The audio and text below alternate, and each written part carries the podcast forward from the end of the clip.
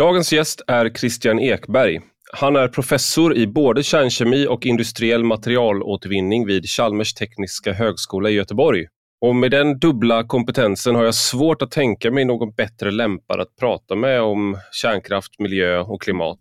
Nu är valrörelsen över, men energifrågan har bara blivit mer brännande i och med att vintrar brukar bli kalla och Svenska kraftnät har varnat för att de kanske kommer behöva stänga av elen i några dagar. Vad kan man då göra för att säkra energiförsörjningen framåt? Och vilka misstag har man begått? Hur ska man undvika att begå dem igen? Om detta och mycket annat handlar dagens podd om. Nu till dagens gäst. Du lyssnar på Rak Höger med mig, Ivar Arpi.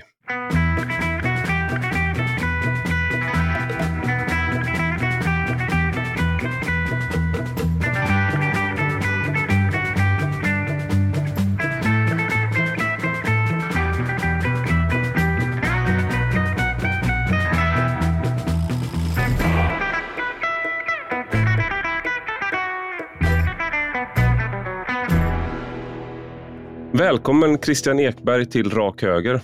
Tack så mycket. Du, eh, tidigare i år i april så såg jag ett eh, inslag i TV4 Nyhetsmorgon som du var med i där du fick en fråga om varför ingen ny kärnkraft har byggts i Sverige när det ändå har varit fritt fram för företag att investera i det sedan förbudet hävdes eh, av alliansregeringen 2009. Och Då hade du ett svar där som blev bevingat i sociala medier och eh, och, och, överallt egentligen. Eh, och Det var att du svarade att det är för att vi har ett politiskt landskap som vrider sig som en magsjuk bäver. Ja, just det. Citat från min gamla mattelärare faktiskt från början. Okej, okay. det, det första jag tänkte då var jag började googla, hur ser en magsjuk bäver ut? Så jag började googla på svenska och engelska, jag hittade inte det. Uh, men har du sett en magsjuk bäver? Någonsin? Nej, faktiskt egentligen aldrig. Jag, det, det, var någonting som vi skämtade om när jag eh, pluggade här på Chalmers. Okay. Vissa kur matematiska kurvor som betedde sig lite underligt. Okej, okay, så det, var, det är ett, liksom ett Chalmers-uttryck som har nu fortplantat sig ut i, ja, ut i ja, jag vet inte om det är Chalmers, det vår grupp och vår, den mycket speciella människan som undervisade oss. Okej, okay. men om man då ska försöka liksom, uh, karaktärisera den här magsjuka bävern då? Vad, är det, vad, liksom, vad menade du när du svarade det? Ja, vad jag menar var ju egentligen att det här är ju investeringar som sträcker sig över väldigt lång tid. Man pratar nu om livstidsförlängningar på kanske 60 till 80 år. Mm. Och Det innebär också att det är stora pengar. Så ska någon vilja gå in med de här stora pengarna för något som betalar sig tillbaka inom, låt oss säga 20 år, så måste man ju veta att inte någon får för sig att om 10 år säga nej men nu skiter vi i det här. Mm. Nu tycker vi inte om kärnkraft längre. Så att då, och då, då är det ingen som frivilligt går in med detta. Så att det här argumentet då att det, det har faktiskt varit fritt fram och att det, marknaden har fått göra som de vill, om de vill så, äh, investera så har de fått göra det. är inte ett rimligt äh, argument då? Nej, absolut inte. Det är ju dumheter på väldigt många nivåer. Det är ju dels den här äh, saken då, men sen är det ju också att Eh, du, marknaden styr vi ju över genom att sätta diverse avgifter, skatter och lättnader och, och betala för olika delar av elsystemet på olika sätt. Så styr vi ju precis hur lönsamt någonting kommer att vara. Det är ju ingen mm. naturlag bakom det här utan det hittar vi ju på själva. Och Det leder ju in i det här med eh, nedläggningen av kärnkraftsreaktorer i Sverige. Eh, för det här har ju varit en liksom en, en, pågående, det fortsätter att vara en diskussion om vi la ner framförallt Ringhals 1 och 2 då, som, där man fattade nedläggningsbeslut 2015. Var, liksom, hur mycket var politik och hur mycket var marknad? Och liksom, om det går att separera? Ja, men det tror jag går att separera. Man får inte glömma att de här besluten fattades ju på en grund av en situation som man såg då som man inte såg kunde förändras. Då fanns till exempel den här extra skatten då har man ju hävdat att ja, men den var ju borta när de, när de stängdes. Ja, jo, det var den ju, men den fanns där när beslutet togs. Och mm. när besluten tas på sådana här långsiktiga investeringar så, så, är det ju ett, det är ett tåg som ska stoppas, en atlantångare som ska vändas. Mm. Eh, man låter bli att göra investeringar i, i strukturerna och så vidare. Och det är klart, de kan man naturligtvis göra efteråt och betydligt senare, men då blir det väldigt dyrt. Betydligt mm. dyrare om man upprätthåller det under vägs gång, så att säga. Så jag skulle säga att i början var beslutet till stor, allra största delar politiskt betingat för att man hade ju satt diverse skatter, avgifter och annat. Så att det, då stängde man. Och sen blev det naturligtvis ett marknadsmässigt beslut. Man kunde inte betala de här pengarna för att uppgradera dem i det läget. Så då när det var, nu glömmer jag av vad hans position var, men det var en eh, tidigare eh, vd på Vattenfall som sa att det var, det var marknadsmässiga beslut. Det var inte politikerna som bestämde. Då är han, om man ska då tolka det han säger, är det, det, är det han säger att när man väl lade ner, då hade det blivit så dyrt att det hade varit, eh, inte varit lönsamt att fortsätta. Ja, det är vad jag tror, men sen vet jag tusen om det inte är så att eh, cheferna på Vattenfall tillsätts politiskt, så det finns väl anledning att vakta sin tunga också. Mm. Eh, det fanns ju, har ju funnits chefer innan som har sagt andra saker som inte har suttit kvar lika länge kanske. Just det. Och Kan man då säga egentligen alltså, att vi har haft, alltså, för vi har ju också lagt ner Barsebäck, eh, vi har eh, vi har fler kärnkraftverk i Sverige som Simpevarp utanför Oskarshamn och sådär. Alltså, har vi eh, prioriterat ner kärnkraften så att man liksom, så att säga, för att det ska läggas, så att det här är planerat på något sätt att det ska inte bli marknadsmässigt att, att fortsätta. Det är lite konspirationsteoretiskt men naturligtvis, det, det tror ju jag. Att det, att det är på det sättet. Vi har ju ett beslut om vi ska fasa ut kärnkraften när alternativ finnes. Det är väl det en tolkning på när vi anser att vi har alternativ. Det har vi bevisligen inte, det ser vi ju nu, det har vi ju inte. Man kan ju dessutom möjligen tänka sig att titta på det här Youtube-klippet på Olof Palme när han motiverar varför Sverige går den här vägen mot hans egen personliga övertygelse eh, från 70-talet någon gång. Det är precis samma svar eh, som de vi har nu. Vi har mycket industri, vi har mycket, behöver säkra leveranser i södra Sverige. I överföring från norra Sverige är inte riktigt en väg framåt. Eh, därför sätter vi mycket kärnkraftverk i södra Sverige, för vi behöver den här pålitliga elen och så vidare. Det har ingenting som har ändrats. Jag vet inte riktigt vilken typ av fantasier som fick människor under de senaste 15 åren och tro att verkligheten har ändrats bara för att man drömmer om ett annat samhälle. Det, det är lite tråkigt tyvärr. Och nu sitter vi där och skördar frukterna av detta. Mm. Det, eh, ibland när man hör, eh, när man pratar om hållbarhet och omställning, så eh, är det väl en, en from förhoppning att om man, man eh, så att säga tar fram ett nödläge så kommer uppfinningarna, då kommer omställningen automatiskt. Så att därför nu när, det här är ett resonemang som i alla fall, nu blir jag lite politisk här kanske, men eh, Miljöpartiets språkrör ibland har att man, det, det, är fel till exempel att ta bort, eh, att sänka bränsleskatten för att då kommer omställningen gå långsammare än vad den annars hade gjort. Och då med omställning menar de kanske att folk helt enkelt får flytta. Företag som drivs som behöver det här kommer behöva lägga ner och så kommer det startas nya företag och sådär. Ja men så är det ju. Det håller, mm. håller jag alldeles säkerligen med om.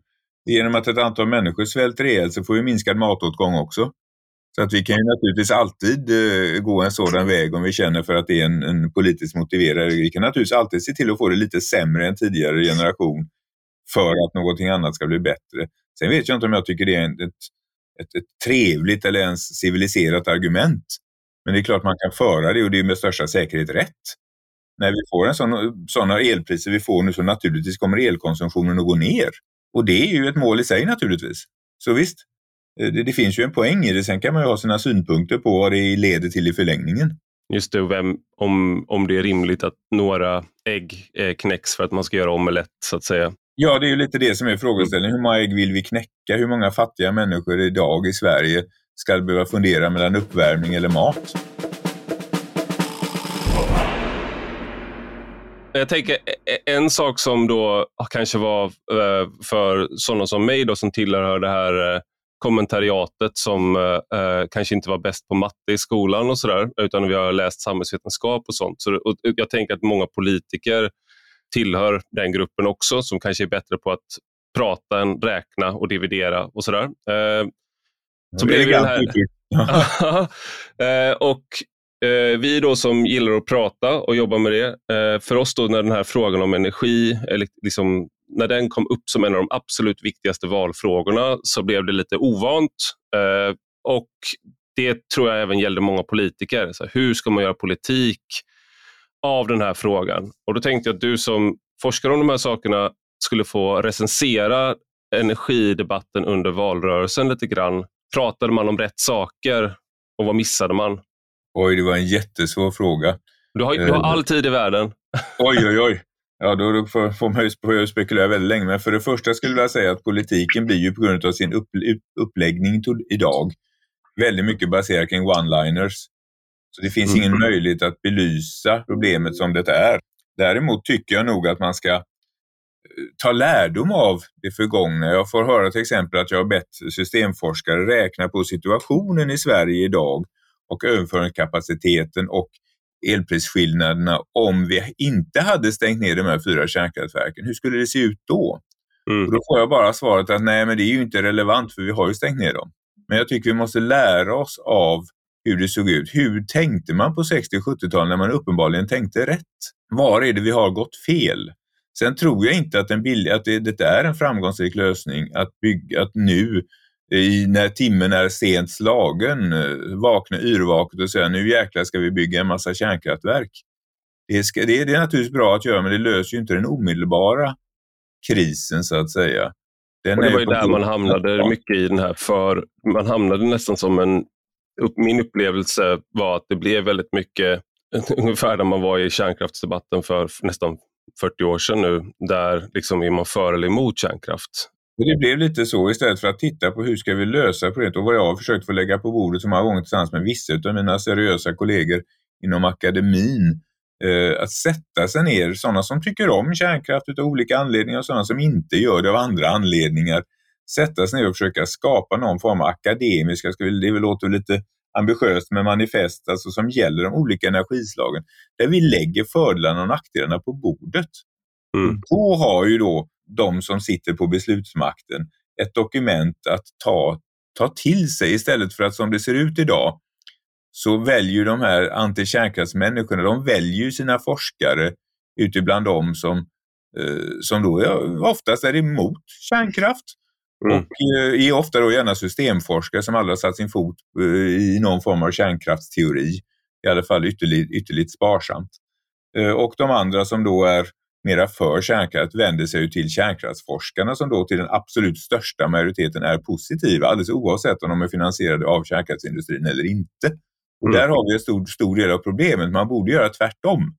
Kärnkraftsförespråkande politiker borde besöka de kärnkraftskritiska forskarna och tvärtom. Då hade vi kommit framåt tror jag. Snarare än att man predikar inför de re- redan religiöst, sin egen tro så att säga. Det här är ju, eh, ett, nu, nu kommer vi in på nästan en, eh, en bredare problem för människor, människan överlag, att man tenderar att söka upp det som bekräftar eh, ens, eh, de, åsikterna man redan har och man har svårt att ta till sig det som säger emot det. Men det, det är ju inte så, det, det ligger i människans natur, men forskning ska vara och vetenskap ska helst vara eh, på ett annat sätt. Eh, Då och- ska man leda. Alltså Mm. aspirerar man på att vara någon form av ledare så får man nog sätta sig över sin personliga natur och sitt eget eventuellt tillfredsställa det egna behovet till att faktiskt se vad som är bäst för det man leder och den Mm. organisationen. Det är också ganska välkänt. Och då måste man nog stiga ut ur sin komfortzon. Man får tillsätta ett ledarskap som inte tycker som man själv gör. Mm. Gärna någon som man har bråkat lite med. Så man, alltså, så man får ett mothugg, så man kan testa sina teser och teorier på ett vettigt sätt. Nu säger jag inte att politikerna ska testa sina vetenskapliga teser och teorier, för det kan väl te sig väl besvärligt, men man kan ju i alla fall se till att omge sig med en gruppering av till exempel forskare som kan stå till tjänst med lite olika synpunkter eller olika data. För det är ju så att väldigt många forskare vet ju faktiskt precis allt man behöver veta, men man väljer att bortse från vissa delar Mm. av olika anledningar. Vad finns det då? För nu, nu har vi ju då om, eh, av allt att döma, efter valet en ny, kommer vi ha en ny regering som är eh, positiv till att vi ska bygga mer kärnkraft. Vad är det de då skulle kunna liksom, ta till sig från sina från de som är mer kärnkraftsskeptiska till exempel? Det är ju, jag skulle snarare vilja säga, de, de som är, vi måste ju för det första se till, alltså Per Barneviks gamla citat är ju det absolut jätteviktiga. Det här som du säkert har sett och som alla, de flesta läsare i någon mening eller lyssnare har sett, är ju det här med att vi har byggt upp ett säkert, stabilt och billigt elnät i Sverige. Och nu gör vi vad vi kan för att på snabbast möjliga sätt montera ner det. Och det är, ju, det är ju det vi har åstadkommit. Frågan är hur kan vi nu montera upp det med en teknik som vi idag gillar, det vill säga sol och vind till stora delar, som då är intermittenta. De lämnar inte något stort avfall. Däremot får vi inte glömma att de faktiskt käkar naturresurser i en väldigt stor omfattning i form av mm. sällsynta jordartsmetaller i magneterna på vindkraftverken och i form av diverse konfliktmetaller i solkraften. Det måste vi också lägga på bordet. Är vi beredda på att sälja taskarna till räven i den meningen att vi blir fullständigt beroende av Kina för vår energiförsörjning, vilket vi blir med de här källorna för att i princip alla dessa mineral säljs av Kina. Vill vi det? Ja, det kan det hända att vi vill, men då får vi vara öppna med det. Vi får berätta det, att nu tar vi den här risken. Vi väljer att göra så för att vi tycker att alternativen är sämre. Det är väl vägen framåt jag skulle vilja säga. Ja, det är svårt för den här regeringen. De kan inte göra någonting oavsett vad de vill. För Det går alltid väldigt mycket snabbare att stänga något än att bygga upp något. Så vill man montera ner något så går det fort. Det kan en regering göra. Montera upp någonting krävs det, väldigt, krävs det ett stort antal regeringar för att kunna göra. Jag tänker på, om man då, just det här då, vi har ett demokratiskt system där det är val vart fjärde år, vi har nya regeringar och man behöver den här långs, det som du pratade inledningsvis här med den magsjuka bäven, eh, att vi har, eh, man behöver en långsiktighet om man ska investera i kärnkraft. Är det då ens, är det, är det ens en, eh, är det en svaghet nästan i, i eh, vårt, eh, vårt politiska system att vi har svårt, tycks ha svårt att fatta beslut som inte kommer löna sig eller tvärtom kanske skulle kunna straffa sig för att det kostar pengar att investera i någonting men du får inte, du får inte valuta för det förrän långt senare. Att det... Nej, men så är det ju säkert och det har ju redan identifierats av till exempel Miljöpartiet när man vill plocka bort vetot för att bygga upp vindkraft. Då har man demonterat demokratin.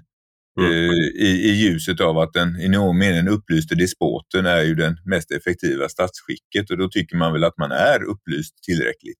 Det, det är väl det som är problemet och det, det, är ju välkänt att ett demokratiskt samhälle är ju långsamt mm. och är dessutom inte alltid lämpligt skickat att hantera kriser.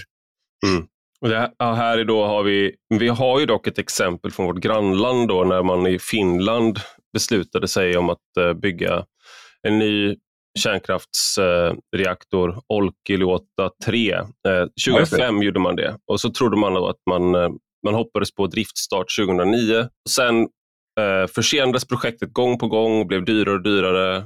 Men bara häromdagen, för ett par dagar sedan, så kom nyheten att nu producerar Olkiluoto 3 el för full effekt. Och då är frågan så här, vad det, för det där verkar ha varit någonting som eh, har fått en del att först bli inspirerade och sen dra öronen åt sig. Vad är, vad är din, din tanke om, om det finska projektet där? Oh, det finns många reflektion, reflektioner kring det. Den första är naturligtvis att det var väl en jävla tur att de börjar producera nu när vi har kraftbrist.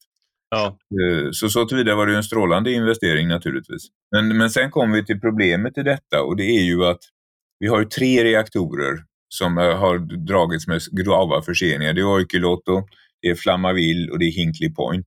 Mm. De här tre reaktorerna dras alltid upp utav kärnkraftsbelackarna som bevis på att det tar lång tid, det kostar för mycket och det funkar inte. Man glömmer bort att det har byggts eh, 20 reaktorer på budget, på tid, i andra sammanhang av andra leverantörer. De tre, fyra senaste var det väl i Förenade Arabemiraten var ju under budget, byggdes upp på fem år. Och det var mm. samma typ av reaktorer, bara att de köptes utav leverantörer som rullar ut reaktorer på löpande band. Sverige byggde upp sin hela kärnkraftsflotta, 12 reaktorer på lika många år. Det blir ju ett, en reaktor om året då om man ska göra det eh, sekventiellt. Det gör man inte, man gör det ju parallellt. Ja, så det behöver, så att det här projektet då som blir är som någon slags, eh, ja, det, det som man tar upp i alla sammanhang när man ska säga att det blir för dyrt, det tar för lång tid. Det, det gäller inte om man väljer så att säga rätt reaktor eller rätt leverantör från början, förhoppningsvis. Nej, det tror jag absolut inte. Utan att ta upp de här tre utav 20 är ju, är ju dumheter på gränsen till trams. För att då tar mm. man ut, det här är ju cherry picking utav Guds nåde i de här sammanhangen. Sen ska man inte glömma att det är ju svåra projekt. Och det, det är ju när man bygger en, en stor reaktor vart tionde år så blir det ju ett konstverk eh, naturligtvis. Och då blir det ju betydligt svårare att få det i tid och på enligt nationella krav och så vidare och så vidare och så vidare. Den hemligheten där ligger ju i att välja leverantörer som gör som Sverige gjorde på den tiden, som sagt, rullade ut saker på löpande band mer eller mindre. Man lär sig av sina misstag till sist. Mot slutet mm. går det jäkligt fort. När du säger att det är ett konstverk, då är det, det, det som jag har förstått det, du får rätta mig om jag har fel, så är det att man har haft många special eh, liksom specifikationer för hur det ska funka, så du har inte kunnat ha så att säga ett snabb, snabb eh, så här, producera allting liksom enligt en, en mall eller snabbproducera, massproducera, utan du har behövt göra allting eh, så att det ska vara specifikt precis på rätt sätt i just det här kärnkraftverket. Och då tar det längre tid än om du så att säga ska beställa en, en Big Mac på McDonalds för kärnkraftsreaktorer. Är det, är det korrekt? Ja det, det, ja, det är en fullständigt korrekt beskrivning. Plus det då att under det att du lagar den här måltiden så kommer gästen på att den nog faktiskt vill ha lite annan kryddning och så vidare längs mm. vägens gång. Så att du får kanske börja om del, vissa delar eller förändra någonting under processen. För när du har ett projekt som tar 15 år mm. så kommer ju folk att ha ändrat uppfattning ett par gånger. Just det. Då är man väldigt hungrig sen. När... ja, det är man och då är man tyvärr i de här sammanhangen inte beredd att köpa vad som helst utan man blir dessutom kinkigare. Just det. Ja, och de här, ja, om man då tänker så här, Förenade Arabemiraten, eh, om man då ska vara sån så tänker man att de kanske inte har samma krav på säkerhet som vi här uppe i, Sverige och Norden har.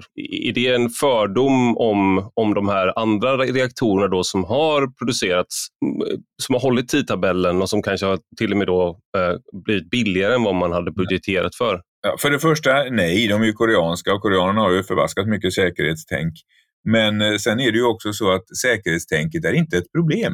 Eh, det lägger du ju i budget och i plan om det är känt när man startar.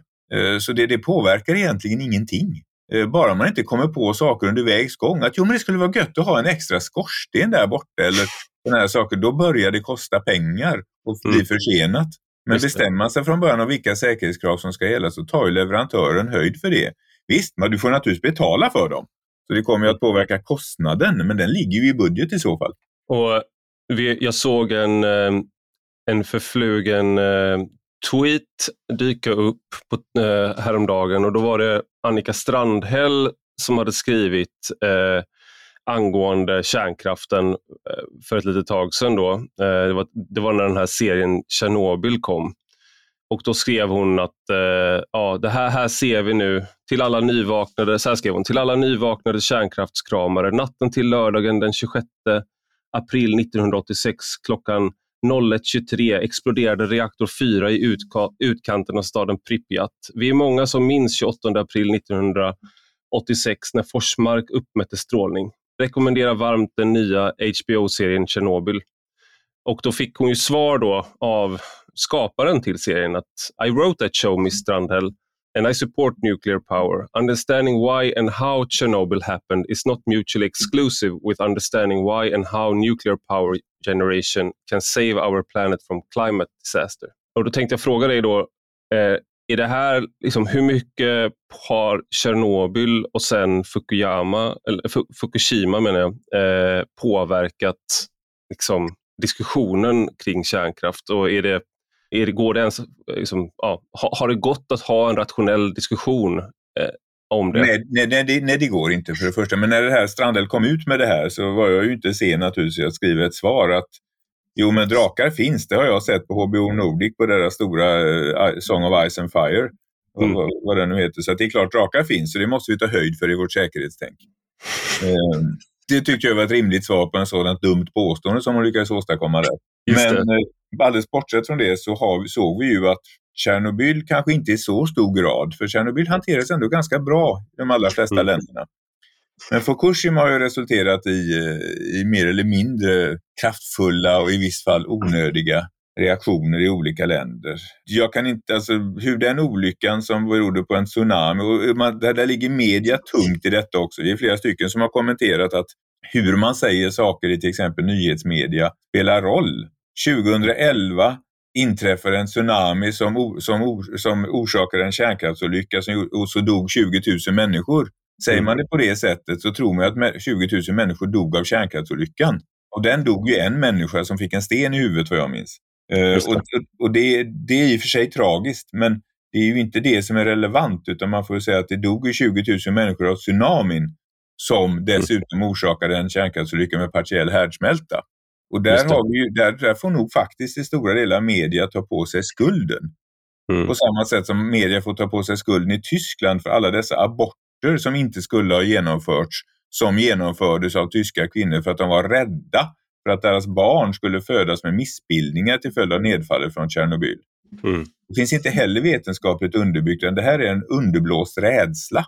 Och det är klart rädsla är ett bra sätt att sälja saker. Ja, det, det är ju en, eh, det är en fantastisk tv-serie, Tjernobyl, men som, det är ju, som du säger om det här med att vi måste ta höjd för drakarna som säkerhetsrisk, så eh, kanske man inte ska basera politik på en tv-serie, vilket också då serieskaparen tycker. Jag tänker, eh, för det här, Fukushima ledde fram till vad låg bakom mycket av det här, det som kallas energivände i Tyskland, där man ja, skulle precis. fasa ut sin eh, eh, kärnkraft. Då. Eh, och nu så fortsätter man med det mitt under pågående eh, Ukraina-krig, där gasleveransen är eh, från Ryssland inte är oproblematisk.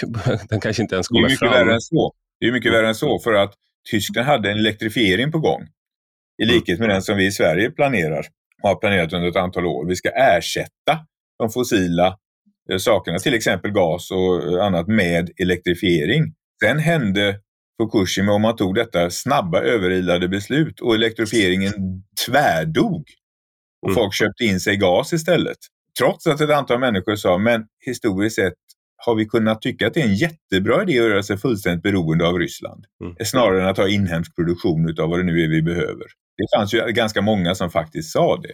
Och sen, sen valde man då ändå att gå den här vägen på grund av någon dogmatisk inställning från Frau Merkel som ville bli omvald och det blev hon ju också. Mm. Så från hennes synpunkt sett var det en väldigt lyckat steg men för samhället som sådant vet jag inte om det var så framgångsrikt. Och nu har man, bara häromdagen så läste jag att eh, för någon vecka sedan så att man i Belgien lägger ner, stänger ner då fullt fungerande kärnkraftsreaktorer. Ja, vi kan komma tillbaka till Tyskland en kort vända bara, för ja. de är ju lite i samma ställe som Sverige nu, för nu börjar ju regeringen vänligt, mycket vänligt krypa, komma krypande och säga kan ni köra ett par månader till kanske? Mm. Och då säger ju naturligtvis ägarna och de som driver att, med, med rätta att ja, det kanske vi kan. Men vi har ju inte, alltså vi har ju ställt in oss på avstängning här. Mm. Och det är det vi har gjort alla våra planer för. Så mm. att vi har ju inte alls förberett oss för att köra vidare, varken kanske personalmässigt eller säkerhetsmässigt eller uppdateringsmässigt. Mm. De sitter ju där vi egentligen är nu med att vi skulle försöka driva vidare, eh, ringas och så vidare när man då hade laggat ganska långt. Det är klart det går, men mm. det kommer ju att kosta. Och det, det där då argumentet där man, man tänker att man ska återstarta till exempel Ringhals 1 och 2. Är, är, det, en, är det ens teknologiskt möjligt? Eller, och om det är det, är det, blir det för dyrt för att det ska vara rimligt att göra det? Ja, men det är klart det är teknologiskt eh, möjligt. Jag menar, du kan hitta ett vrak i skogen och göra det till en bil och den kommer att rulla. Mm. Så att det, det kommer att gå.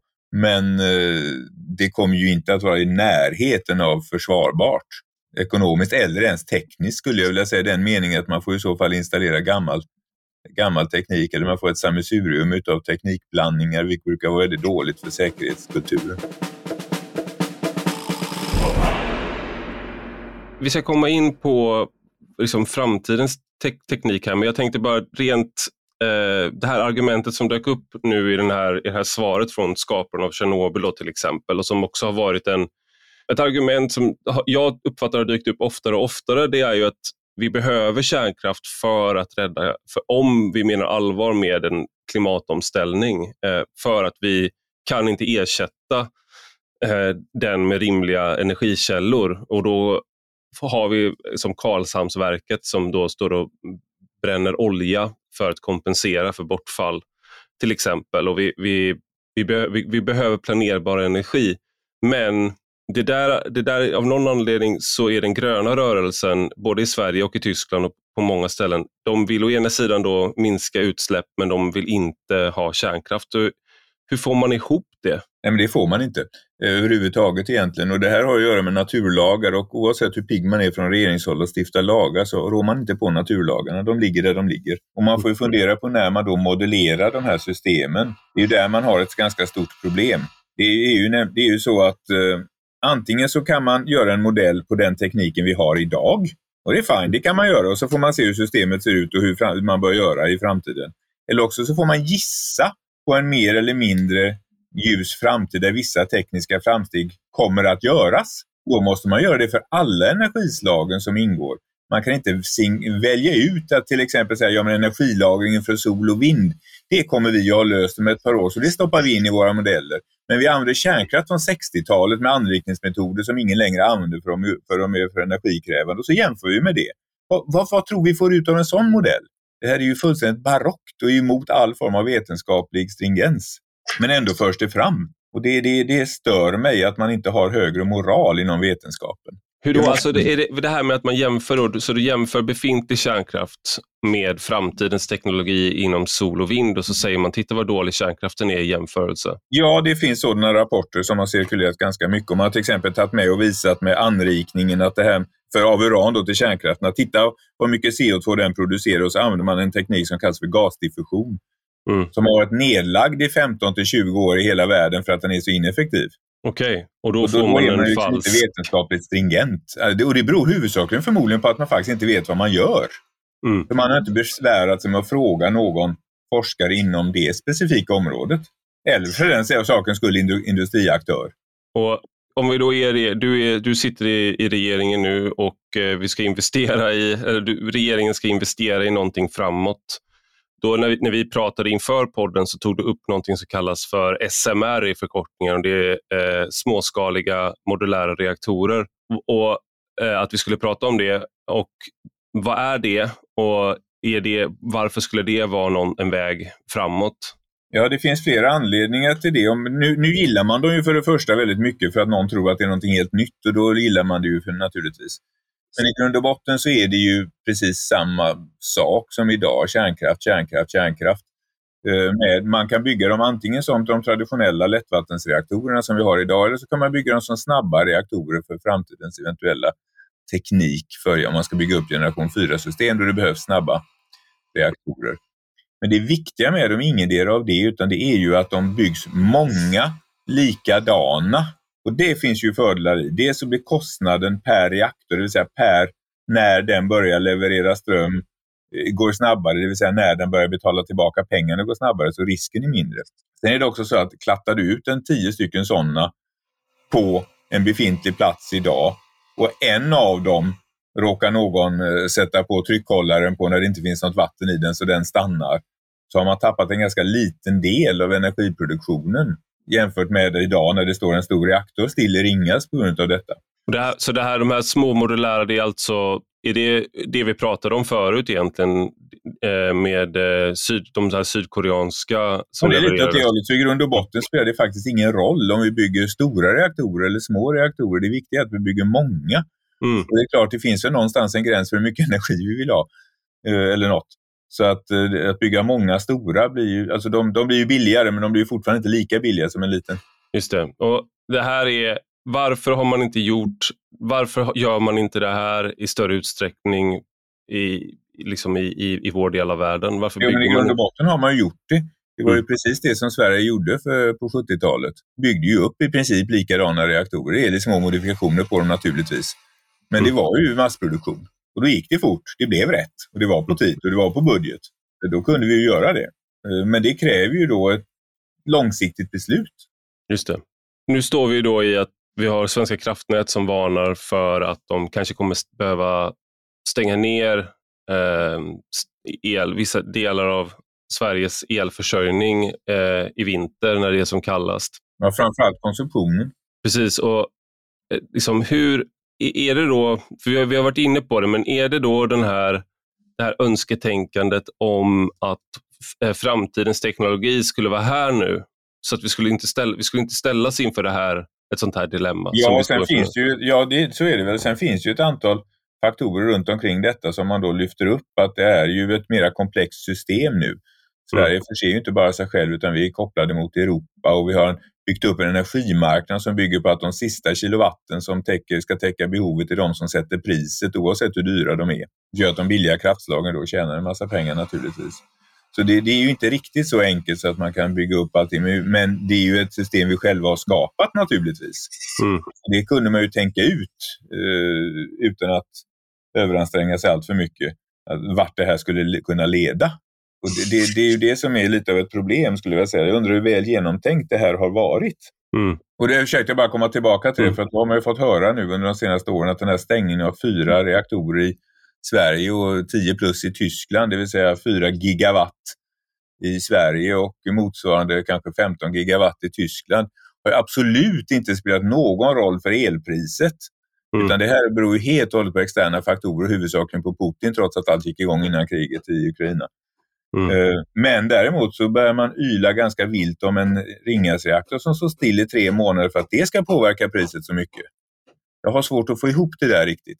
Ja, rimligen så borde det också, de, de man la ner tidigare, också ha en påverkan på priset i så fall. Om man lägger ner två reaktorer eh, så borde det ha påverkan på priset om en reaktor som står still har det. Det kan man tycka.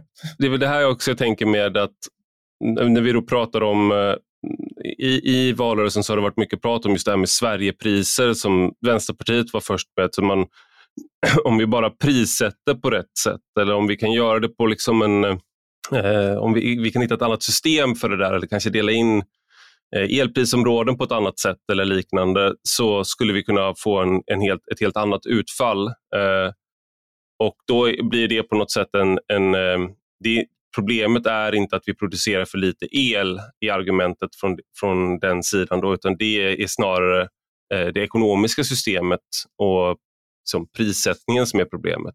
Det, det, skulle jag säga är en, i min värld en relativt korrekt analys. Mm. Vi producerar till den allra största delen fullt tillräckligt med el. Sverige är en stor el, elexportör faktiskt, mm. Eh, alldeles oavsett kärnkraften. Eh, vi är det inte jämt. Och då kom vi in i det som vi nämnde här tidigare. Eh, vilka offer ska vi vara beredda att lägga för att vi ska kunna ha vårt inom citationstecken drömläge, vad det nu må vara? Mm. Ska vi säga att ja, nej, men det är kanske så att någon vecka eller två om året så ska vi helt enkelt inte ha el. Eller inte tillräckligt, utan vi måste koppla bort det, de funktioner som vi inte anser samhällsviktiga. Eller kanske ett par samhällsviktiga också om det nu skulle knipa ordentligt. Är det mm. så vi vill ha det, ja fine, då är vi ju egentligen redan där. För det är så det ser ut idag. Vi producerar ju faktiskt i snitt över ett år mer än vad vi gör av med. Mm. Men inte jämt. Och då Just kanske vi är framme. Det var kanske precis det vi ville ha. Eller också vill vi inte det och då får man kanske göra någonting annat. Sen det här med elprisområden är ju en konstruktion. Den ska ju i någon mening eh, symbolisera en verklighet, men de, de, den ger ju eller tar ju inga elektroner från elledningarna. Mm. De ligger där alltså oavsett vad vi hittar på att vi kallar de olika områdena. Just det, det den, de ligger där men eh, siffrorna flyttar runt från eh, människor eh, som bor i södra Sverige, de, de, från deras bankkonton till någon annanstans i snabbare takt. ja, det är, ungefär, ja. det är ungefär det det handlar om. Ja. ja. Just det. Och, men då, det där är ju en, liksom, borde inte någon annan bygga elen Sverige. Alltså det här är ett argument då för att, så att säga, om vi är en eh, till stor del liksom, producerar mer el än vad vi gör av med stora delar av året, borde det inte vara andra länder som investerar i eh, kärnkraft så att vi hamnar på något sätt i en eh, jämviktstillstånd med dem snarare än att vi ska producera ännu mer el då och investera i ännu mer kärnkraft? På ja, vilket sätt är det? Ja. Det är väl säkert ingen dum tanke.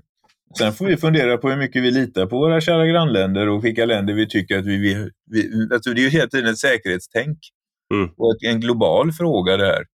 Mm. Du skulle kunna säga att det är mycket viktigare att bygga kärnkraft i Polen till exempel, där man eldar mycket kol och olja och sådana här saker.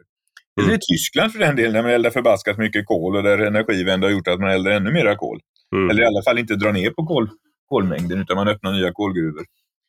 Eh, så att det, det är väl kanske bättre att man bygger kärnkraft i Polen, Polen och eh, Tyskland än i Sverige så sett. Mm. Men det hjälper ju fortfarande inte de här eh, hungertopparna eller hungerdalarna vi får när det inte finns tillräckligt.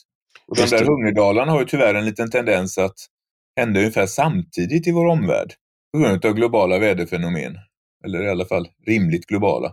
Som att det blåser oftast väldigt lite när det är som kallast. Ja. Och då funkar inte våra, våra vindkraftsparker särskilt, särskilt väl. Nej, och solkraften är ju också lite halvdassig då i alla fall, även om den inte är noll. Och vad, är, vad är de viktigaste besluten nu då? Som sista fråga nu då. Vad, vad kan den, den tillträdande regeringen, vad, vad ska de, om, om, om Christian Ekberg fick säga liksom vad man om jag fick vara en upplyst despot? Exakt. Vad, vad, skulle det vara för beslut som stod överst på dagordningen? Då får, får vi först komma överens om att jag är upplyst, men det, om, om jag får tycka det så är jag väl det. Då. Ja. Eh, då skulle jag helt enkelt ha bestämt mig för att bygga några traditionella verk, vanliga kärnreaktorer. Sen skulle jag bygga, försöka få igång verksamheten på generation 4-system. Så att vi kan utnyttja det avfallet vi har liggande och som är ett problem där det ligger mm. och som är en, en, en nackdel för kärnkraften rent generellt sett och uh, utnyttja den för energiproduktion. Då kan man lätt räkna hem att dagens produktion av el med kärnkraft skulle vi kunna göra i många hundra år, upp till tusentals år, utan att gräva upp en skvätt nytt uran. Mm. Och Det skulle i min värld, för ett mänskligt perspektiv, vara hållbart. För vi kan inte som människor egentligen tänka så mycket längre än ett gäng generationer. Mm. Och det, det är väl det som jag skulle gå, men då, då, väljer, då väljer man ju att ta ett beslut, ett, ett, ett ja, vad ska vi kalla det, det kallas på engelska executive decision, mm. vad, det nu, vad det nu heter på svenska, som, som inte folk får säga emot då. Mm. Och det är ju inte så populärt. Just det. Men det är min synpunkt. Sen ska, det innebär ju inte att vi inte ska bygga upp en säkerhet. Det innebär ju inte att vi inte ska bygga upp en säkerhet kring till exempel utnyttjandet av vatten och sol och vind. Och vi måste fortsätta utveckla tekniker för energilagring. Mm. Där har vi mycket att göra i framtiden, att komma till en energilagring som inte är beroende utav sådana här stora mängder utav sällsynta metaller som också är en ändlig resurs. Vi måste forska och få fram verksamhet kring till exempel kolkedja, alltså använda kolkemi mm. mycket mer kring energilagring, kanske så i solceller och så vidare också. Det finns verksamheter på det som är väldigt framgångsrika, men de är ju på liten skala ännu. Det finns mycket att, att göra på det här området och för en gångs skull så är det här en fråga som politiken, eh, eh, om man ska vara hoppfull, så är det en fråga som politiken faktiskt bryr sig om just nu och som vanligt folk och väljare har ögonen på också för att det här är något som känns nära inpå. Det kanske kan leda till att det händer saker som annars... Eh, liksom att det, det, det händer väldigt lite när politiker inte känner att de har eld i baken eller att de kan förlora val på någonting. Men det här kan man faktiskt förlora val på nu, eh, skulle jag säga. Och då kanske det faktiskt finns en öppning för att eh, någonting kommer ske också. Man kan ju hoppas på det. Sen är det ju, blir det väl efterhand en sommar och då blir det varmt och gott igen och då är det inte längre ett problem. och med de hoppfulla orden så säger jag stort tack Christian Ekberg för att du var med i Rak Höger. Tack så mycket. Tack så mycket. Och stort tack till dig som har lyssnat. Gå gärna in och skriv en recension på Apple Podcasts eller i den app där du lyssnar på podden. Och detta är alltså en del av en större publikation på Substack med samma namn som podden. Och den som prenumererar där kan även ta del av de texter jag skriver. Gillar man det man läser och hör får man gärna bli betalande prenumerant för 5 euro i månaden eller 50 om året. Då får man ta del av lite exklusivt extra material också. Du hittar rubbet på ivararpi.se. Och har du några frågor eller synpunkter kan du alltid mejla mig på ivararpi Vi hörs igen.